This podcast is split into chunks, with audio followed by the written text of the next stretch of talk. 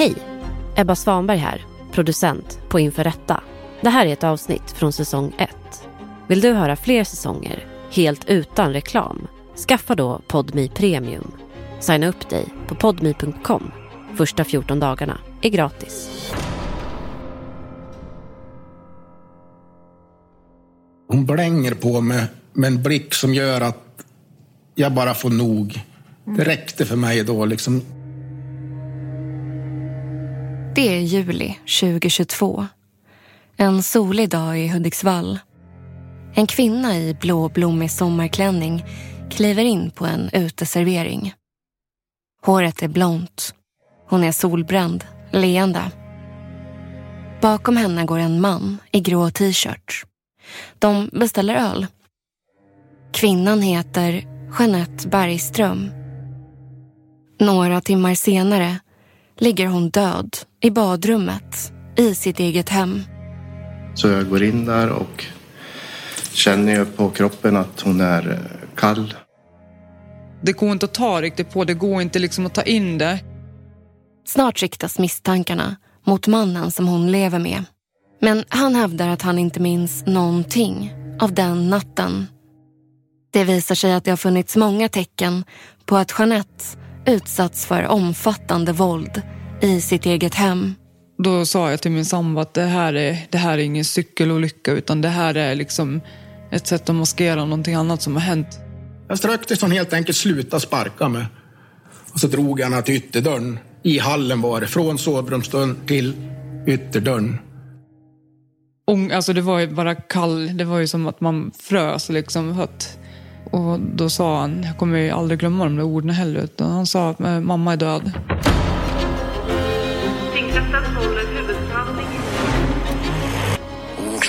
Birgitta Fernlund yrkade på att mannen ska dömas till livstidsfängelse för mord. Mäns våld mot kvinnor måste upphöra. Det här är en, en viktig signal till samhället och, och alla skyddsstövlar som finns där ute. Du lyssnar på Inför rätta om fallet Jeanette. Jag heter Joanna Goretzka. Parter och ombud kallas till sal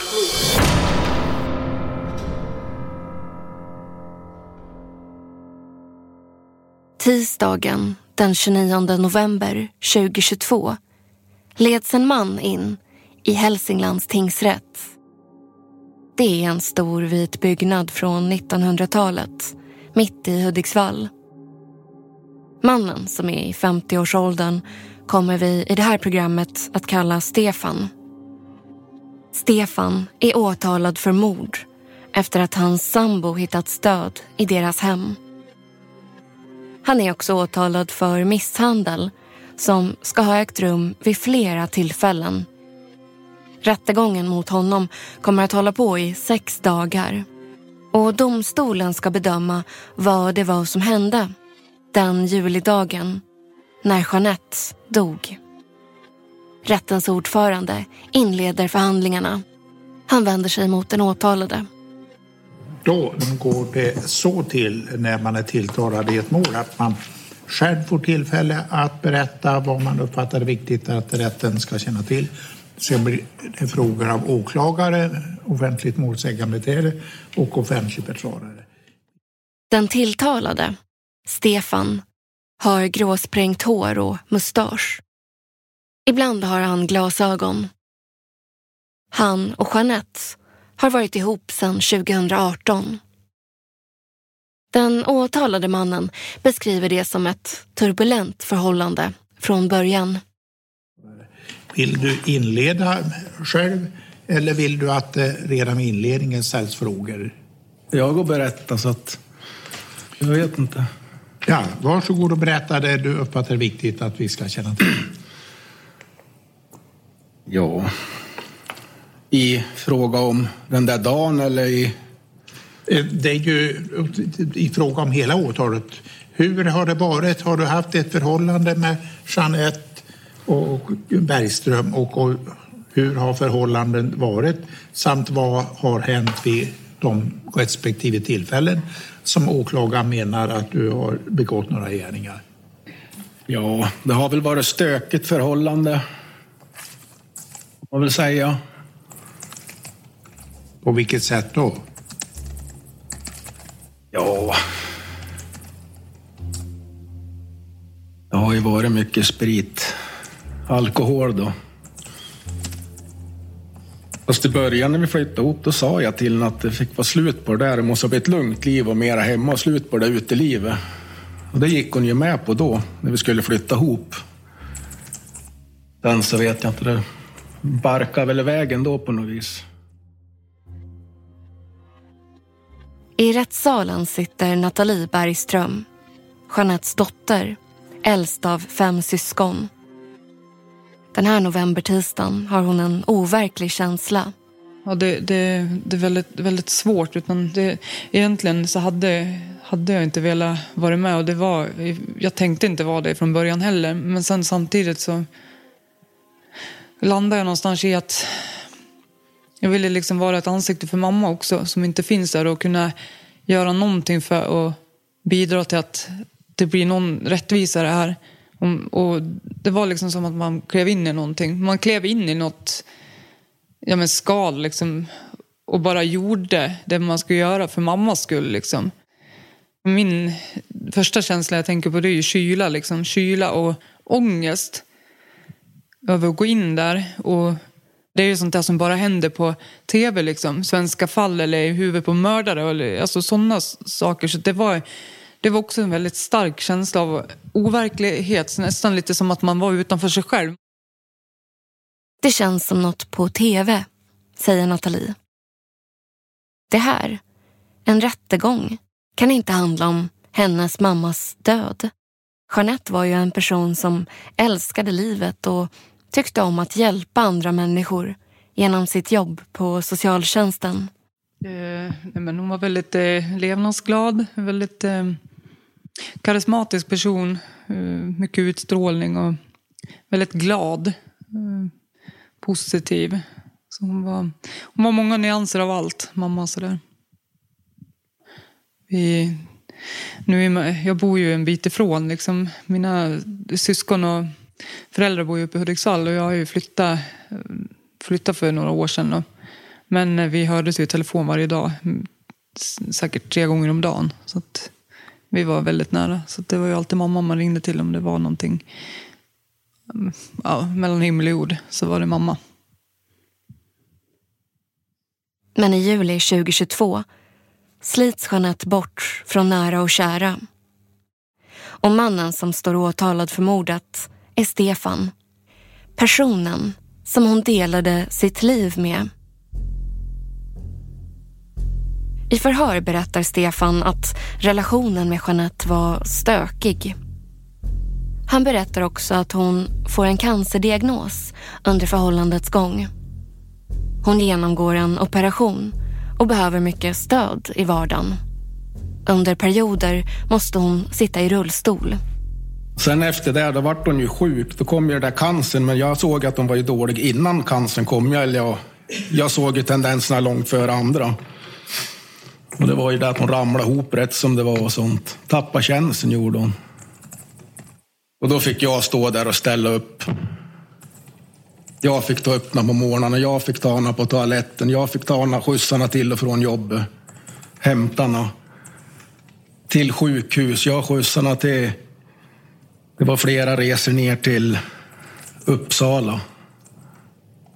Sen vet jag inte vad som hände, men hon började på bli väldigt konstig. Jag vet inte om det har med medicin hon börjar på äta mycket av eller något, men hon bara gick till attack på mig. Rätt som det var ibland så kunde hon bara gå till tvärattack. Man fattade inte ens vad man hade gjort. Jag frågasatte någon gång, vad har jag gjort? När hon gick på mig bara. Hon bara stod och stirrade på mig och kunde bara spy galla över mig. Ibland när jag funderar om det är någon annan hon ser och inte mig. Det här är beskrivningar som dottern, Nathalie, inte alls håller med om.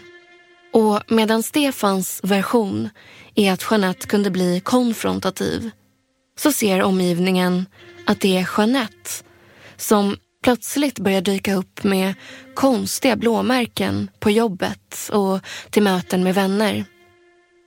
Hon verkar också mer dämpad och rädd. Det säger Nathalie. till en början så... Det är klart, då, då tänkte man väl inte så mycket på det utan det, är sånt där, det smög ju mer diffust fram att man märkte att hon blev förändrad liksom. Och...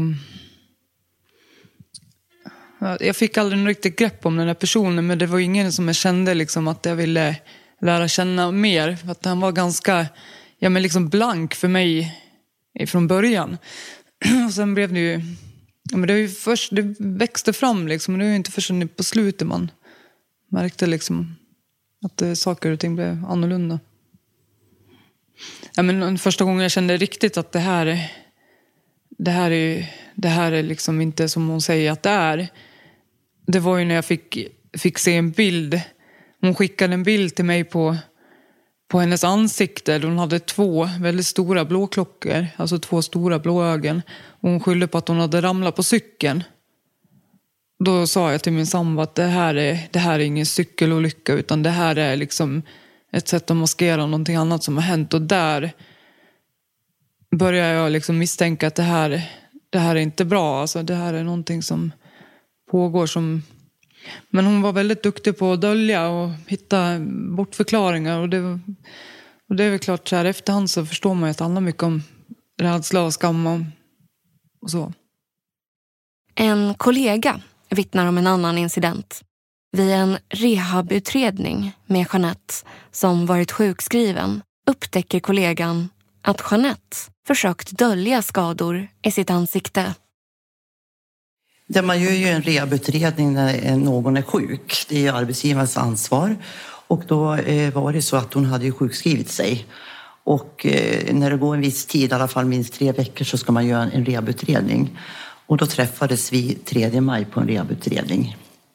Mm. Och kan du berätta om dina iakttagelser av Jeanette vid det tillfället den 3 maj? Ja, hon kom till mig och eh, hon var, jag såg att eh, hon hade sminkat sig ganska mycket i ansiktet. Hon hade, jag såg att hon var svälld. Eh, det var liksom blåmärken som hade ramlat ner på vänster sida. Det är som jag kommer ihåg. Och då frågade jag henne direkt om har han slagit dig? Och det förnekade hon. Och varför jag ställer frågan är för att jag är skyldig att ställa en sån fråga också när man har en misstanke. Och eh, då sa hon att nej, det har ni inte gjort. Utan hon förstod ju varför jag frågade eftersom det måste jag ju göra och hon förstod att jag bryr mig om henne. Nej, för alltså, nu är det så små tecken men första liksom man lade märke till det var ju att hon blev ju mer svårtillgänglig. Att, ja men det, det, pass, det, det passade liksom inte att prata på samma... Ja, men, vi har ju ändå haft vårt mönster och vi har pratat och sådär. Det där ändrades ju med, med tiden. att Eh, ja, men hon gick inte att få tag i och i synnerhet inte på helgerna. Och sen passade hon oftast på att ringa när hon var på jobbet. Det var sådana konstiga små tecken som man la märke till. Att det här känns inte, det känns inte rätt. Nathalie säger att Jeanette förändras mer och mer under förhållandets gång. Men relationen fortsätter. Fram till den dagen som Jeanette hittas död. Vad var det som hände den julidagen? Jeanette och Stefan ska snart inleda sin semester. En resa är bokad. Jeanette ser fram emot den. Den tilltalade ger sin version i rätten. Då tänker jag att vi börjar med den här eh, kvällen, natten när Jeanette dog. Eh, och eh, kan du berätta det du minns av vad ni gör tidigare under kvällen? Ja, jag berättade när jag kom hem från jobbet. Då. Jag kom hem ganska sent, för jag jobbade länge. Ja. Och så åkte jag traktor hem, så det tog lite tid. Så jag tror inte jag var hemma förrän sextiden kanske. Jag hade tänkt köra lite traktor och jobba lite hemma. Ja. Men då hade hon hållit på och druckit och så hon var lite på lys redan när jag kom hem. Hon satt och klippte gräsmattan när jag kom. Då frågade hon direkt om vi ska gå ut. Så att ja, jag kände mig tvingad att gå ut med henne bara för husfriden. Jag ville inte, men ja, vi går väl ut då. Och sen efter det där, då skulle hon gå och göra sig ordning. Och jag fortsatte väl bara gick och drack lite öl. Ja. Det tar två timmar för hon att göra sig ordning och det tar fem minuter för mig. Så att det är väl så. Hon står och gör sig ordning och jag, ja, jag är väl i ordning i princip. Jag bara drar på mig kläderna och går. Ja. Jag dricker väl upp en, jag vet inte, sex öl då. De tar sig in till Hudiksvall och går till ett ställe där de fastnar på en övervakningskamera. Det här är de sista bilderna som tas på Jeanette i blåblommig klänning. I videon ser man hur Jeanette och Stefan fastnar i dörren. Till slut går han före. De går till flera olika ställen under kvällen. På en av krogarna blir Jeanette sur enligt Stefans berättelse. För att han pratar med en annan kvinna. Och då var hon, då var hon på dåligt humör redan där. Och det liksom satte väl si sen det hela kvällen. Sen berättar han att han själv reagerar när Jeanette hälsar på några manliga bekanta. Sen kommer in och grabbar bakom där och då skiner hon upp som en sol. Då ska hon helt plötsligt springa och sitta med dem och springa fram till dem. Och sen så, ja, jag vet, vi sitter väl där och dricker då. De tjattrar väl. Och sen, ja, jag tyckte inte att det var speciellt trevligt. Jag liksom sitter där, var inte mitt sällskap just då. Så jag går upp, jag tänkte, ja, jag går upp och köper mer, ja. Jag var uppe och köpte några öl, jag köpte några whiskyn och så tänkte jag gå tillbaka ner dit nu och så bjuder jag på whisky och så liksom kommer igång lite stämningen där. Men när jag kommer ner, då hon satt sig på min stol. Så frågade hon, flyttar du? då? sa jag, så jag kan sätta mig. Nej, då vägrar hon att flytta sig. Och så kom det någon jävla sur min emot mig från och riktigt visa hur grinig hon var. Sån där blick då som inte de andra ser. Ja, då, jag bara vände mig om och så gick jag därifrån. Jag bara vände mig, tog jag med mig mitt och så gick jag så satt jag mig ute på en uteserv, en balkong de hade där eller något. Så satt jag där med, om det nu satt något folk där, det minns inte jag, men någon var det väl där. Och sen, jag satte mig och så drack jag upp alltihopa jag hade köpt. Och sen, sen har jag nog gått därifrån när jag har druckit upp. Stefan berättar att han fortsätter krogrundan på egen hand. Gick, då gick jag över på nästa ställe, men jag gick väl ner mot stan först. Eller jag över där och man pratade säkert med några folk på vägen. Och sen var det väl någon som skulle gå in på något nytt ställe där. Och sen så har jag inte så mycket mera minnen. De säger efteråt bara, jag vetat det, att de säger att de kör ut mig för jag håller på att somna eller något. Men jag har ingen aning vilken tid, ingenting det är. Och... Så att för mig är det, den där dagen, han är liksom över där. Jag är inte med någon mer. Jag... Stefan möter upp några andra bekanta och de dricker. Sen minns han inget mer från den natten. Jeanette Bergström tar sig hem innan honom, runt 23-tiden. Välbehållen. En taxichaufför vittnar om det i rätten. Stefan minns inte när han kommer hem. Men enligt hans berättelse vaknar han bredvid Jeanette i sängen. Jag liksom kommer inte ens ihåg när han skjutsade hem eller någonting sånt. Utan jag, det jag kommer ihåg det är att jag vaknar i sängen på morgonen. Anette ligger bredvid mig. Jag ligger ytterst och hon ligger här. Och det enda jag reflekterade på det var att man tar på henne när man vaknar och jag kände att hon var kall.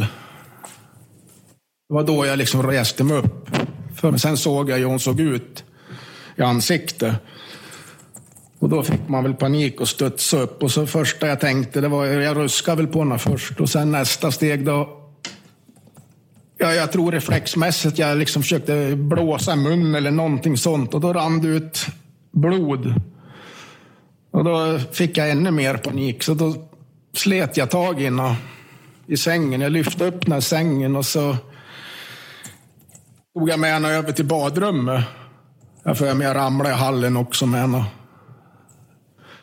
Den lyfte upp och så in till badrummet. Så la jag henne där alldeles innanför dörren. Så tog jag duschen och så sköljde jag av lite på Jag tvättade inte hela hon. Jag sköljde av ansiktet, lite blod där vid mun. För jag höll på att smälla av jag för det där blodet. Stefan berättar alltså att han vaknar bredvid sin sambo. Hon är svullen i ansiktet och alldeles kall. Enligt honom vet han inte vad som har hänt. Han tar henne till badrummet och sköljer av henne. Sen dröjer det 18 minuter tills Stefan försöker ringa någon. Efter ett tag får han kontakt med en anhörig som kommer till platsen. Och det är den anhöriga som larmar 112. Ambulanssköterskan Per är kallad som vittne i rättegången. Ja, tack Per. Jag tänkte börja med att fråga, det kan man gissa utifrån hur du är klädd, men vad jobbar du med? Eh, sjuksköterska på ambulansen, Hudiksvall. Och jag utgår från att du vet vilket tillfälle du ska höras om idag. Ja. Ja, det gäller ju ett, ett arbete du gjorde den 9 juli i år och jag tänkte be dig berätta om dina iakttagelser vid det där tillfället. Eh, ja, vi fick eh, larm om en eh, medvetslös vuxen. Eh, på väg ut kom ytterligare information från SOS att, eh, att hon var bragd om livet. När vi kommer fram så möts vi upp av en anhörig man som eh, säger till mig att eh, jag hämtar, tar med mig akutväskan och defibrillator och han säger att det där behöver du nog inte. Men eh, jag tar med mig i alla fall och går in.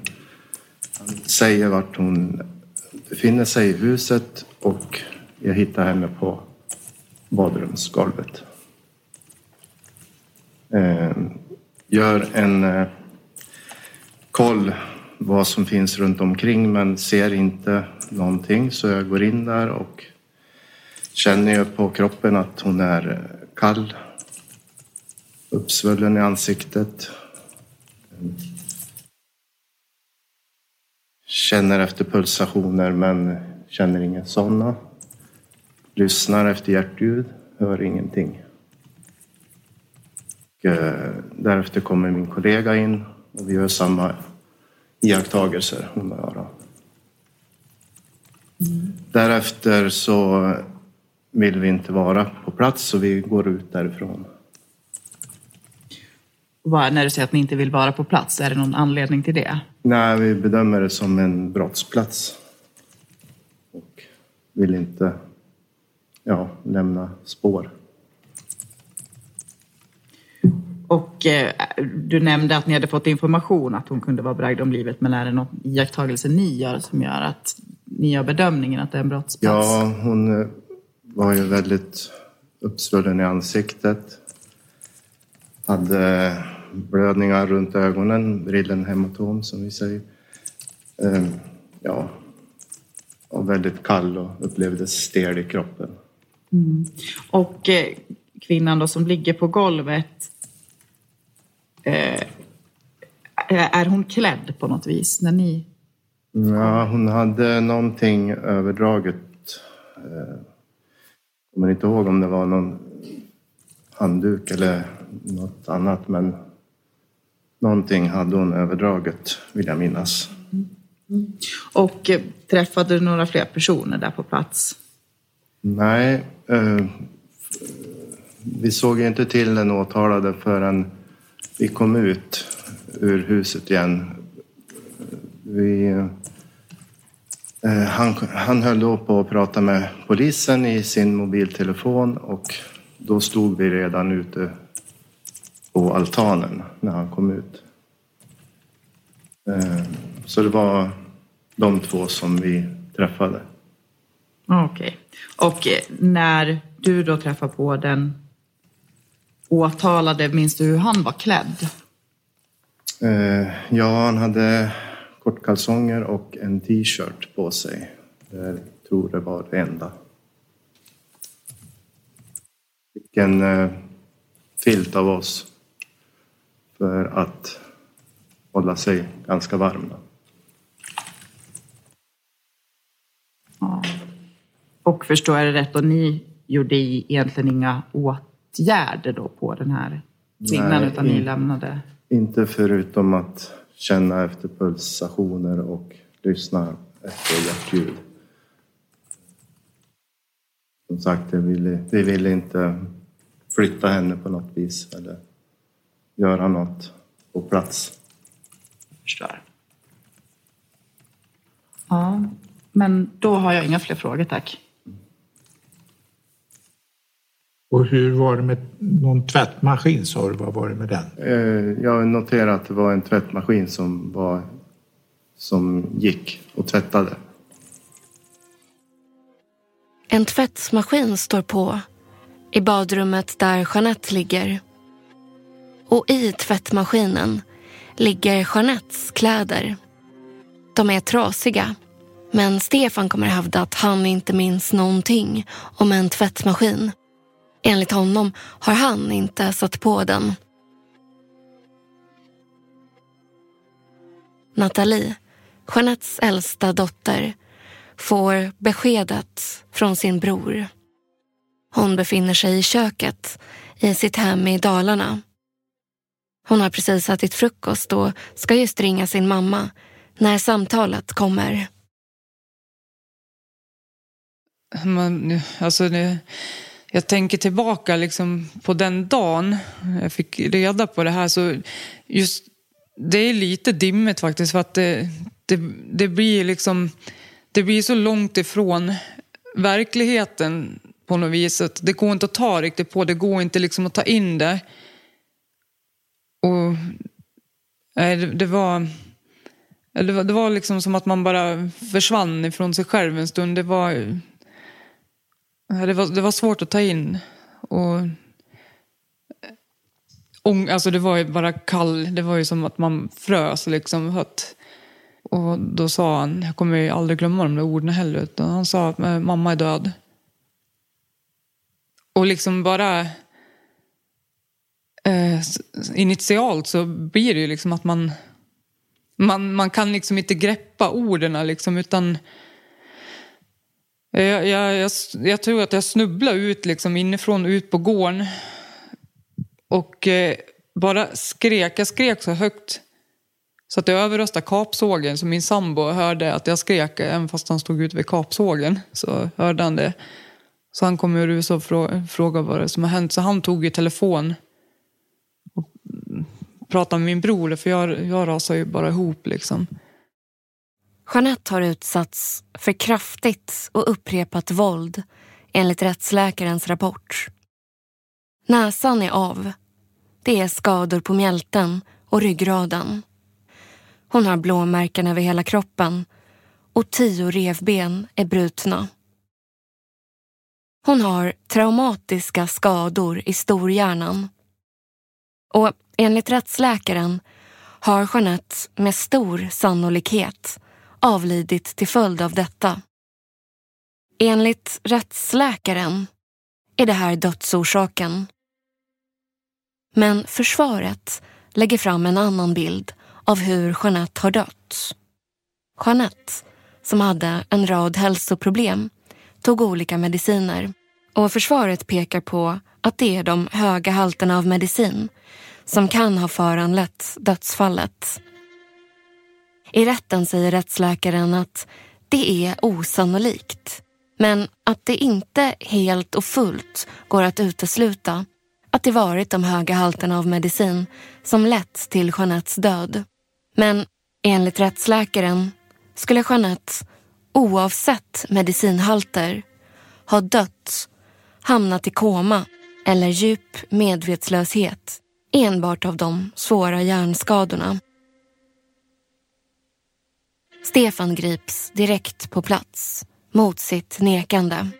I förhör med åklagare Birgitta Fernlund fortsätter han att insistera på att han inte minns någonting av natten då Jeanette dog. Du har inga minnesbilder av den här Nej. natten.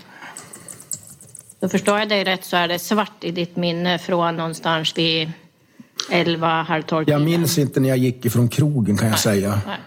de säger nu, för det har jag ju läst och sett nu, att de hade sagt åt mig att gå ut ungefär. Och, så att jag höll på att nicka till eller något.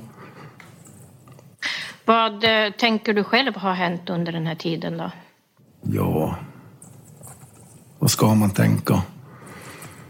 Man kan ju tänka vad som helst. Ja, vad tänker du? Jag vet att vi har haft ett bråkigt förhållande, det tänker jag. Men liksom vad som ska ha hänt, det vet jag inte. Jag har tittat på mig själv. Efter det jag tittat. Jag har liksom sett, jag har, jag har inga liksom skador själv. Jag har tittat på mina händer, känt om jag är öm. Jag har varit intagen tror jag till och med på att de kollar mig och sånt. Och det har gjort att jag är fundersam på vad det är som har hänt.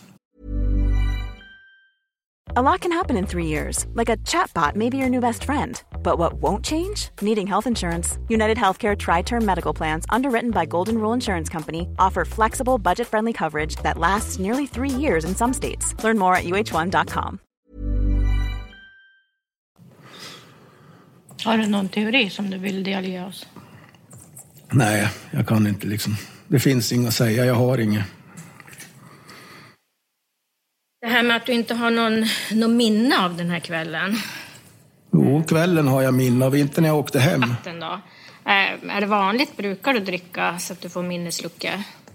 Inte på slutet. Jag har druckit mycket av mina dagar, men på slutet har jag inte druckit så hårt. Jag har varit väldigt försiktig med att dricka. Utan det var nog bara att det pelade ur den här kvällen. Och upprinnelsen då? Om jag förstår dig rätt då, så du uppfattade att Jeanette var svartsjuk för att du pratade med någon i baren. Det var så det började. Mm. Och sen så, så ville inte hon flytta på sig. Hon hade tagit din plats i ett senare skede. Ja, när jag kommer och ska ställa ut glas när jag har köpt. Jag kommer med glas så här, flera, och man ska ställa ner dem på bordet. Och då har hon tagit din plats och vill inte Ja. flytta på sig. Och då blir du irriterad och går därifrån. Jag blir inte irriterad. Hon blänger på mig med en blick som gör att jag bara får nog. Det räckte för mig då. Liksom, Nej, nu går jag härifrån. Jag vände mig och gick. Jag sa ingenting heller. Jag bara vände mig om och så gick jag. Den, den sista kontakten du har med henne, den är inte särskilt positiv om man säger så. Då är det lite irritation mellan er. Ja, irritation, ja det är det väl. På något vis är det väl det. Sitter och säger till mig, det har jag inte sagt det, men när vi satt nere där på Möljen, då sitter hon och pratar om att hon vill gifta sig med mig. Och sen är det tio minuter senare sitter vi där uppe. Då liksom nästan ber hon att dra åt helvete. Det har gått tio minuter, en kvart liksom. Kändes det för dig då? Ja, alltså nu känner jag hon, för jag har ju varit med om de där svängningarna så mycket nu så att eh, det var nog det som gjorde att jag ledsnade mest. I rättssalen sitter Nathalie och de fyra syskonen och lyssnar på Stefans beskrivning av deras mamma. Jo, men det är väl klart han försöker väl rädda sitt eget skinn så då jobbar han ju väldigt hårt med att svartmåla mamma liksom. Och, han, och det är ganska jobbigt att sitta och höra någon ta i från tårna så där tillsammans med sitt, sitt försvar liksom. Och, så att eh, ja, men man har ju bara försökt att slå det ifrån sig för att vi vet ju liksom att det, det är bara lögner.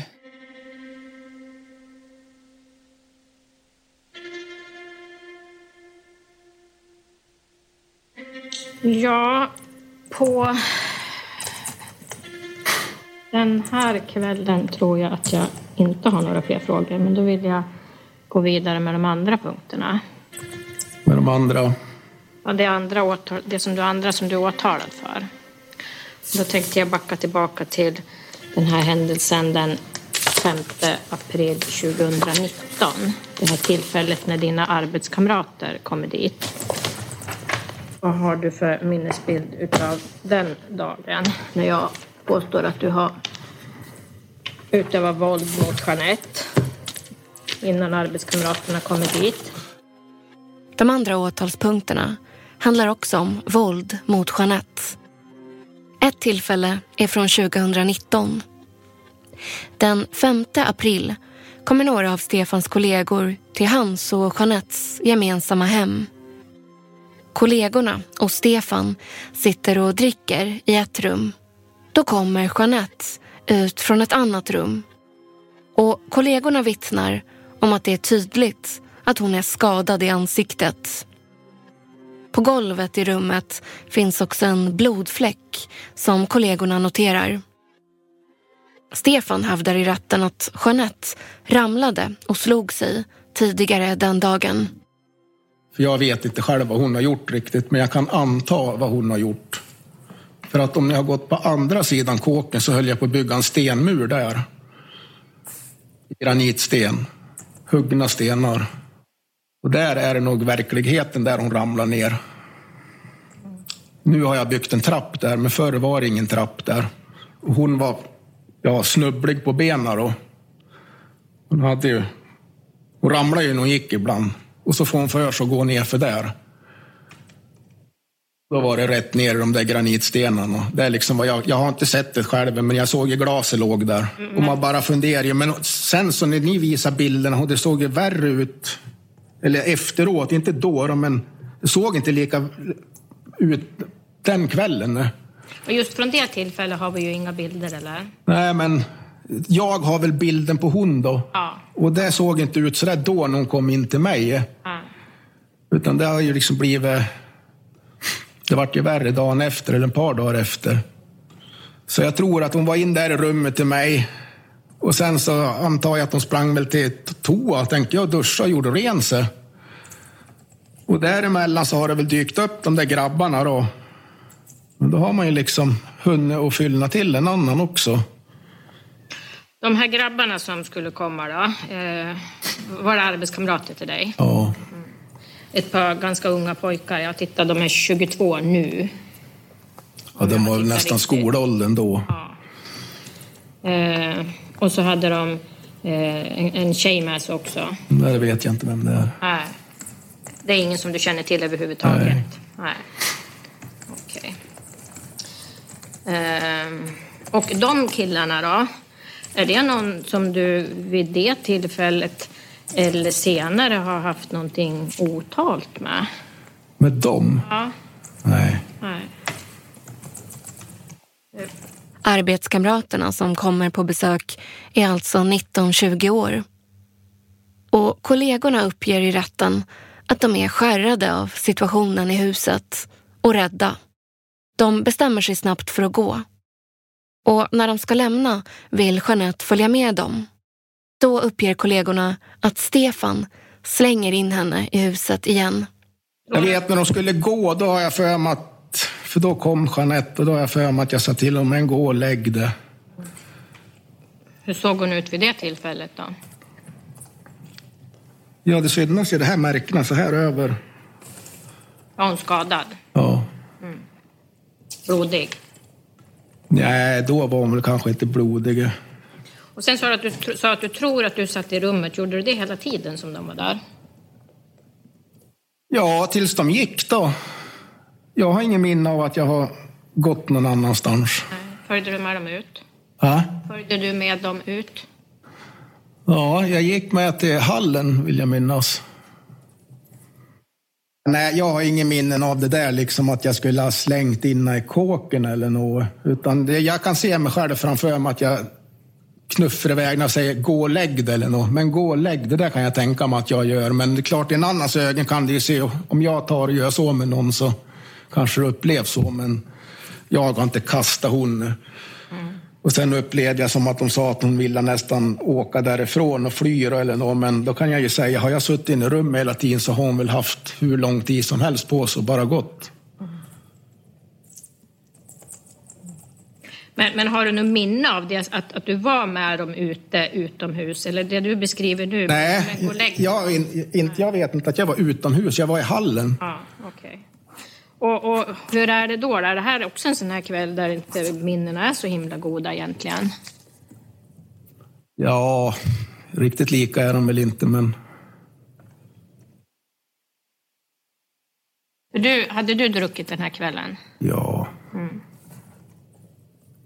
Och, och det var syftet med att de skulle komma dit, att ni skulle festa? Var det så? Ja, jag antar det. Vi har säkert ringt varann i fyllan eller något, skulle jag kunna tänka mig.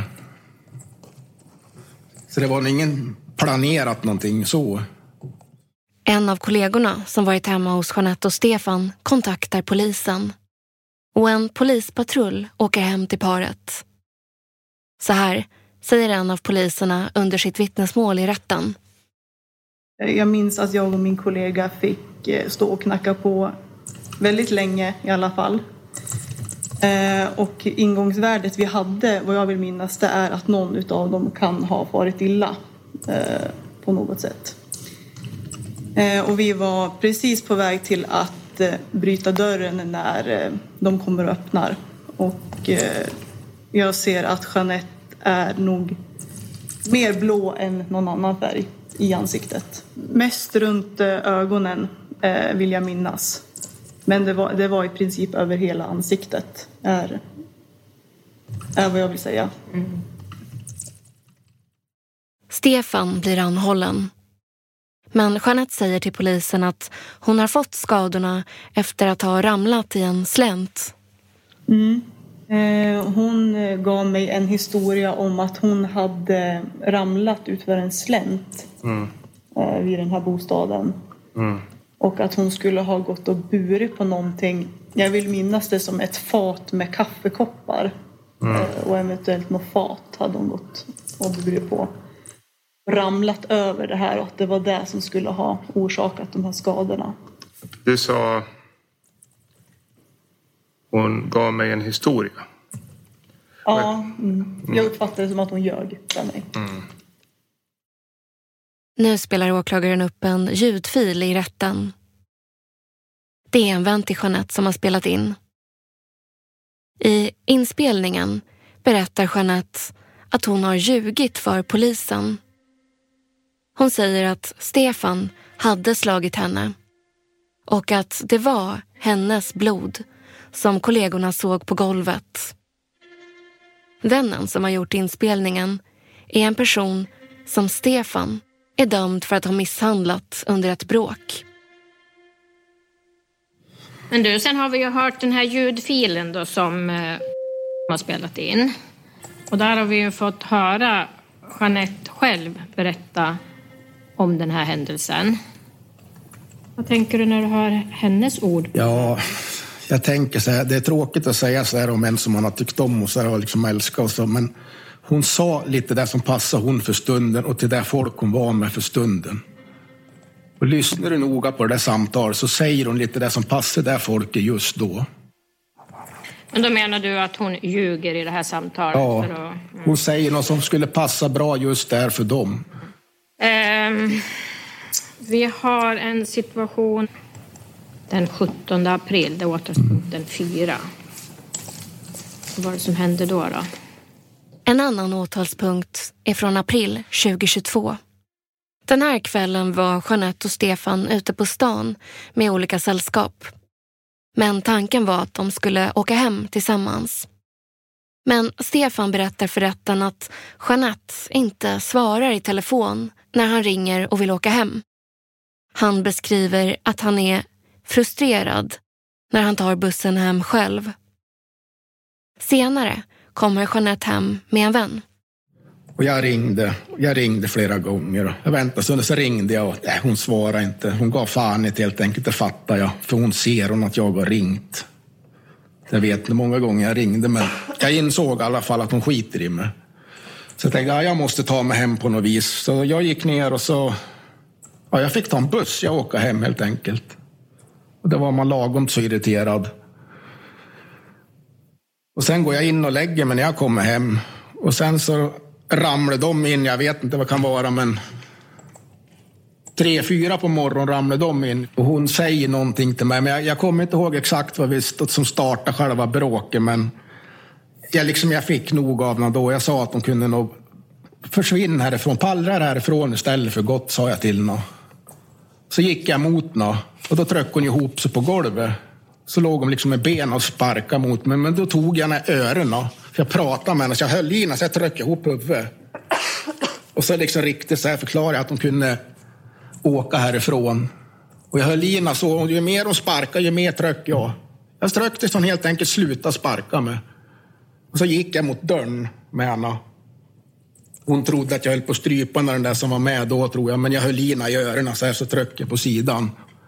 Och så drog jag henne till ytterdörren. I hallen var det, från sovrumsdörren till ytterdörren. Och sen vart det väl inget mer med det, utan mer än att hon spottade fräste åt mig. Och så gick jag därifrån och jag gick väl och duschade. Sen gick jag och satte mig i rummet. Eh, om jag förstod det rätt så är du lite irriterad. Hon struntar i dig den här kvällen. Ni ska åka hem och du får inte tag på henne. Ja, hon struntar fullständigt. Ja. Och så efter att det hon har sagt till mig att vi ska åka hem i lag och liksom allt sånt där. Mm. Sen är det hon själv som skiter igen. Och eh, så förstår jag att du, du berättade som att du tar tag i, i öronen på henne. Jag håller i henne så här på sidan av huvudet och så trycker jag in nävarna så här. Och så ligger hon och sparkar på mig. Hon sitter på golvet och så sparkar hon och sparkar och sparkar. Till slut så bara trycker jag i. Jag trycker i tills hon slutar. Jag sa jag trycker till det slutar. Vad ska hon sluta med för något? Och sparkar mig.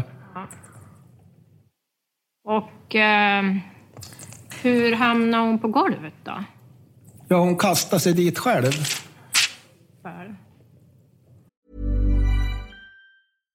Subtle results, still you, but with fewer lines. Botox Cosmetic, out of botulinum toxin A, is a prescription medicine used to temporarily make moderate to severe frown lines, crow's feet, and forehead lines look better in adults. Effects of Botox Cosmetic may spread hours to weeks after injection, causing serious symptoms. Alert your doctor right away as difficulty swallowing, speaking, breathing, eye problems, or muscle weakness may be a sign of a life threatening condition. Patients with these conditions before injection are at highest risk. Don't receive Botox Cosmetic if you have a skin infection. Side effects may include allergic reactions, injection site pain, headache, eyebrow and eyelid drooping, and eyelid swelling. Allergic reactions can include rash, welts, asthma symptoms, and dizziness. Tell your doctor about medical history, muscle or nerve conditions including ALS or Lou Gehrig's disease, myasthenia gravis, or Lambert-Eaton syndrome and medications, including botulinum toxins, as these may increase the risk of serious side effects. For full safety information, visit BotoxCosmetic.com or call 877-351-0300. See for yourself at BotoxCosmetic.com.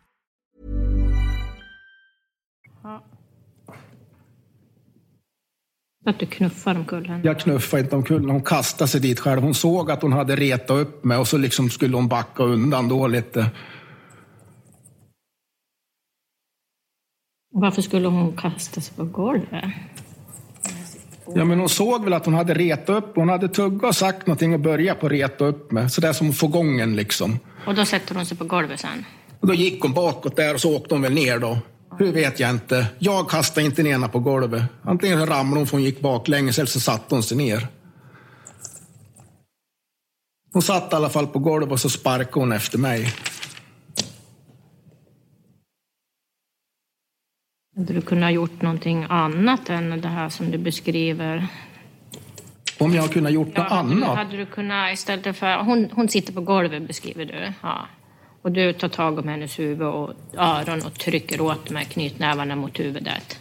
Jag tänkte, fanns, hade du kunnat gått därifrån? Du, hade det inte varit att jag bodde där så hade jag gått för flera år sedan. Om du hade bytt rum eller någonting, gått någon annanstans? Om du Ja, menar. men de gick ju efter mig. Ja. Men hon sitter på golvet här. Kan inte du bara gå därifrån då? då? Ja, men då hade hon ju börjat på bråka redan. Ja. Ska man diskutera så så har ju inte hon behövt komma in i kåken ens. Vem menar du nu? Jeanette, Anette? ska vi diskutera som dig sa jag, då behöver hon inte ens komma in i kåken. Jeanettes vän som är med den kvällen berättar en annan historia än Stefan. I rätten säger hon att det är tydligt att den åtalade är svartsjuk. Han kastar Jeanette på golvet och släpar henne i handlederna från hallen till köket. Sen ska Stefan ha tagit tag om Jeanettes huvud och dunkat det i golvet varefter han tar stryptag om hennes hals. Vännen lyckas avbryta misshandeln och sen vill hon anmäla. Men dagen efter ber Jeanette henne att inte göra en polisanmälan. Och eh, hur... Eh, det här sista tillfället då, det som sker i, i eh, nationaldagshelgen 4 juni. Ännu ett tillfälle där Stefan åtalas för att ha misshandlat Jeanette är 4 juni 2022. Stefan berättar att det börjar med ett bråk om ett par skor. Han tror att Jeanette kan ha slängt hans skor. Så började jag ropa på hon, vart fan är skorna någonstans? Det var ju mina boots jag letade och de har jag haft i säkert 15 år. De har stått i den där hallen liksom varenda dag i 15 års tid. Helt plötsligt är de borta. Och jag frågade hon vart de är och då först så bara vräker hon ur sig på bron att Nej, men de är uppe, säger hon. Och jag springer upp och så letar jag där hon säger Jag hittar ingen skor där heller. Då går jag ner igen och så börjar jag. Då får du gå upp och hämta de jävla skorna, sa jag. Och då börjar hon på att bli irriterad och förbannad. Då liksom vänder hon och börjar på att bråka med mig. Då tänkte jag direkt när hon började på bråka, då, nu har hon gjort någonting hon med mina skor, slängt dem eller någonting. Eftersom hon gick till anfall istället. För hade de legat där, hade hon lagt dem uppe så hade hon bara gått och hämtat dem. Men istället så började hon på att bråka med mig, gav sig på mig, käftade. Hon gick, kom in från ja, altan och in genom ytterdörren, för jag stod ju där vid ytterdörren. Och exakt vilka ord som sades, det vet jag inte. Men hon började på att käfta där. Och ja, på något vis så ramlade hon väl ner på golvet där och då började hon på att sparka på mig igen. Och då var jag så trött på det så jag tar foten utan skor, för jag hade inga skor. Och så trycker jag henne på halsen. Jag håller ner henne så här, bara för att hålla henne ifrån mig. Jag står och håller henne med foten så här, med bara strumpa på. Och sen står jag med händerna så här och håller bara för fötterna henne som sparkar mot mig. Och sen efter det, det, liksom bara, det tar ju bara slut där för slut så jag släpper ju där och så går jag. Jag går ut. Jag tar en andra skor och så bara går jag därifrån då. Jag vill minnas att jag bara gick ut då och så gick jag hemifrån.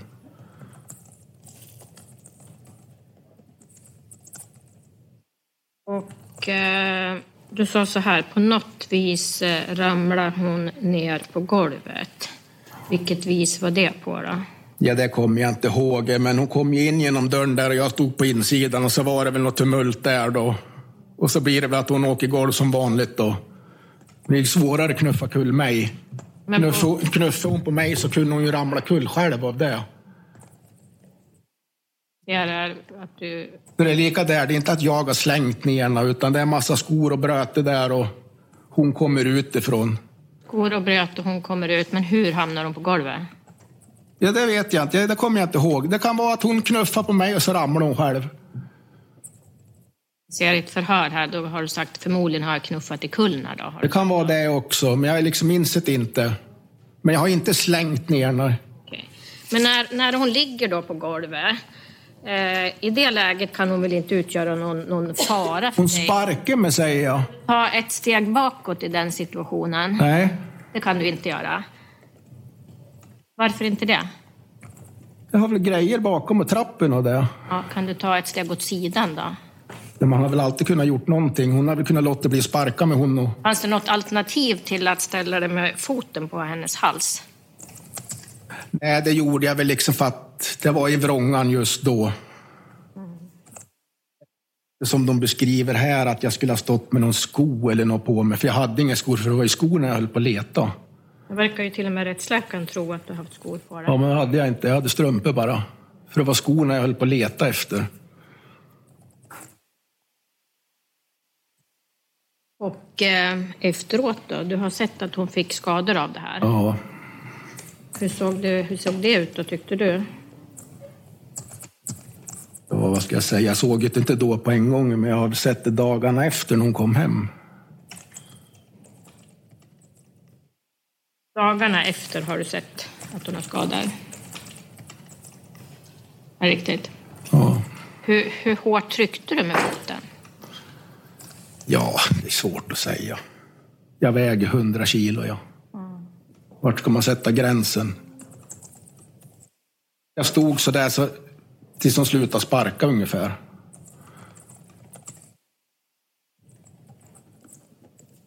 Och det var mer liksom för hållarna ifrån mig. Och sen så skrek vi förmodligen om skorna. Eh, 100 kilo säger du att du väger. Och hur... Ja, jag stod inte hela jag på när jag höll henne med foten så, men det är klart den väger 100 kilo så. Hon klev inte upp kan jag ju säga när jag stod där. Och hon har skador fl- flera dagar efteråt har hon synliga skador. Men där finns det väl bilder på. Ja. ja eh, hur lång är du? 1,80. 1,80 och 100 kilo. Eh,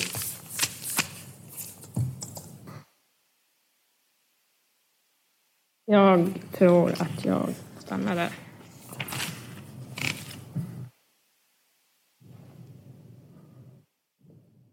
Stefan nekar till samtliga åtalspunkter. Han menar att han aldrig misshandlat Jeanette och att det inte är han som har orsakat hennes död. Enligt försvaret saknas det teknisk bevisning för att Stefan ska ha dödat Jeanette. Försvaret menar också att det inte går att utesluta att Jeanette dog av höga halter medicin i kroppen. Och mot slutet av rättegången meddelar Stefan att han har en sak att säga rätten. Det berättar Nathalie, Jeanettes dotter. Och juryn frågar om det är någon som vill tillägga någonting mer. Och sen när vi är på väg och ska resa oss, då säger han, vänta lite. Jag har någonting jag vill säga och då säger han någonting i stil med att ja, jag tycker det är för jävligt att någon man älskar så mycket har behandlat en så jävla illa. Det är för jävligt, säger han innan vi går ut. Och det är ju någonting som satt sig ganska liksom... Alltså det, de orden, det... Det var, ja det, det, det är lite, det är otäckt. Det blir otäckt liksom. En man i 50-årsåldern döms i Hudiksvalls tingsrätt till livstidsfängelse för att ha mördat sin sambo, fembarnsmamman Jeanette Bergström i Forsa utanför Hudiksvall i juli förra året. Domen var väntad, säger åklagare Birgitta Fernlund och hon håller inte Den 17 januari 2023 dömer Hälsinglands tingsrätt mannen som vi kallar för Stefan till livstids fängelse för mord, olaga tvång och fyra fall av misshandel. Tingsrätten slår fast att våldet mot Jeanette Bergström inneburit svårt lidande och att Stefan uppvisat särskild hänsynslöshet. Men den 30 mars kommer hovrättens dom. Tingsrättens dom ändras från mord till synnerligen grov misshandel.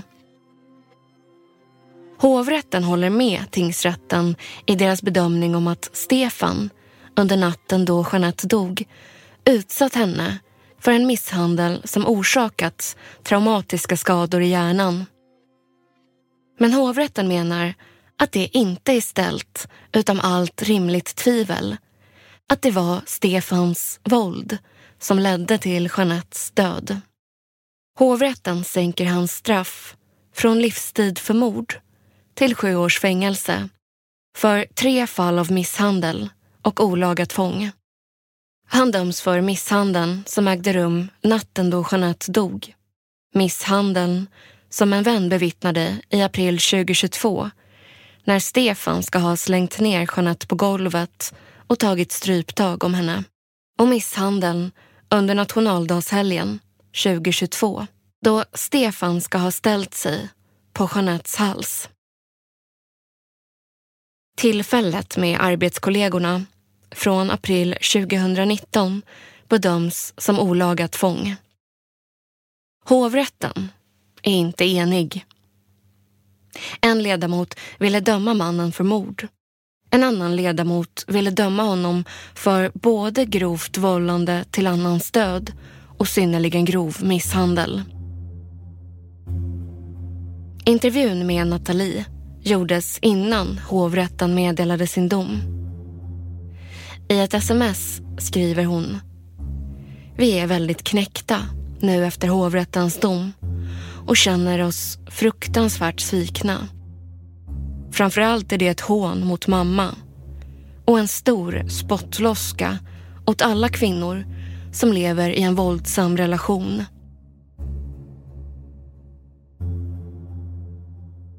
Men mamma hon var, väl, hon var ju en otroligt varm person. Hon, hade, hon var väldigt kärleksfull.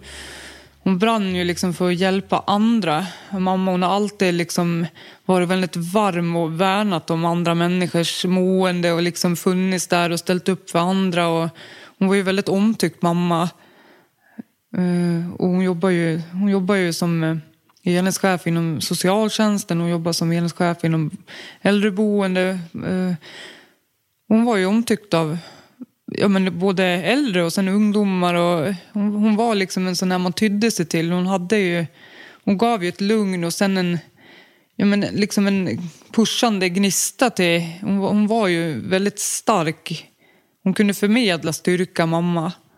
Hon var liksom den man vände sig till om man ja, men behövde trygghet och man behövde rådgivning. Liksom. Man, det var, hon fanns för alla.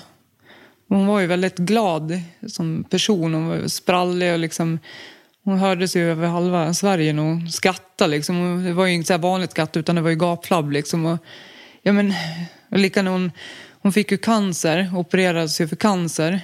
Och hade ju rullstol ett tag och sådär. Men hon satt ju så, så åkte hon ju ner för backarna liksom, med rullstolen. Det fanns ju inget, inget hejd på henne utan hon hade ju en hög livsglädje liksom.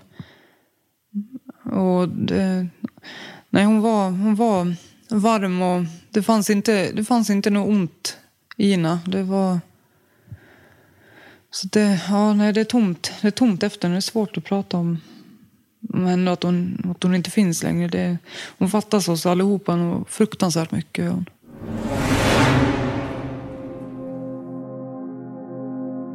Du har hört Inför rätta om fallet Jeanette. Reporter var jag, Joanna Goretzka. Redaktör var Matilda Blom. Timmy Strandberg stod för ljudprofil och Simon Westerdahl stod för slutmix. Exekutiv producent var Joni Söderström Winter. Stefans namn är utbytt i det här programmet. Ljudklipp kommer från Aftonbladet TV4 och Sveriges Radio. Tyckte du om detta? På Podmi kan du lyssna på ännu fler avsnitt helt utan reklam. Signa upp dig på podmi.com. Första 14 dagarna är gratis.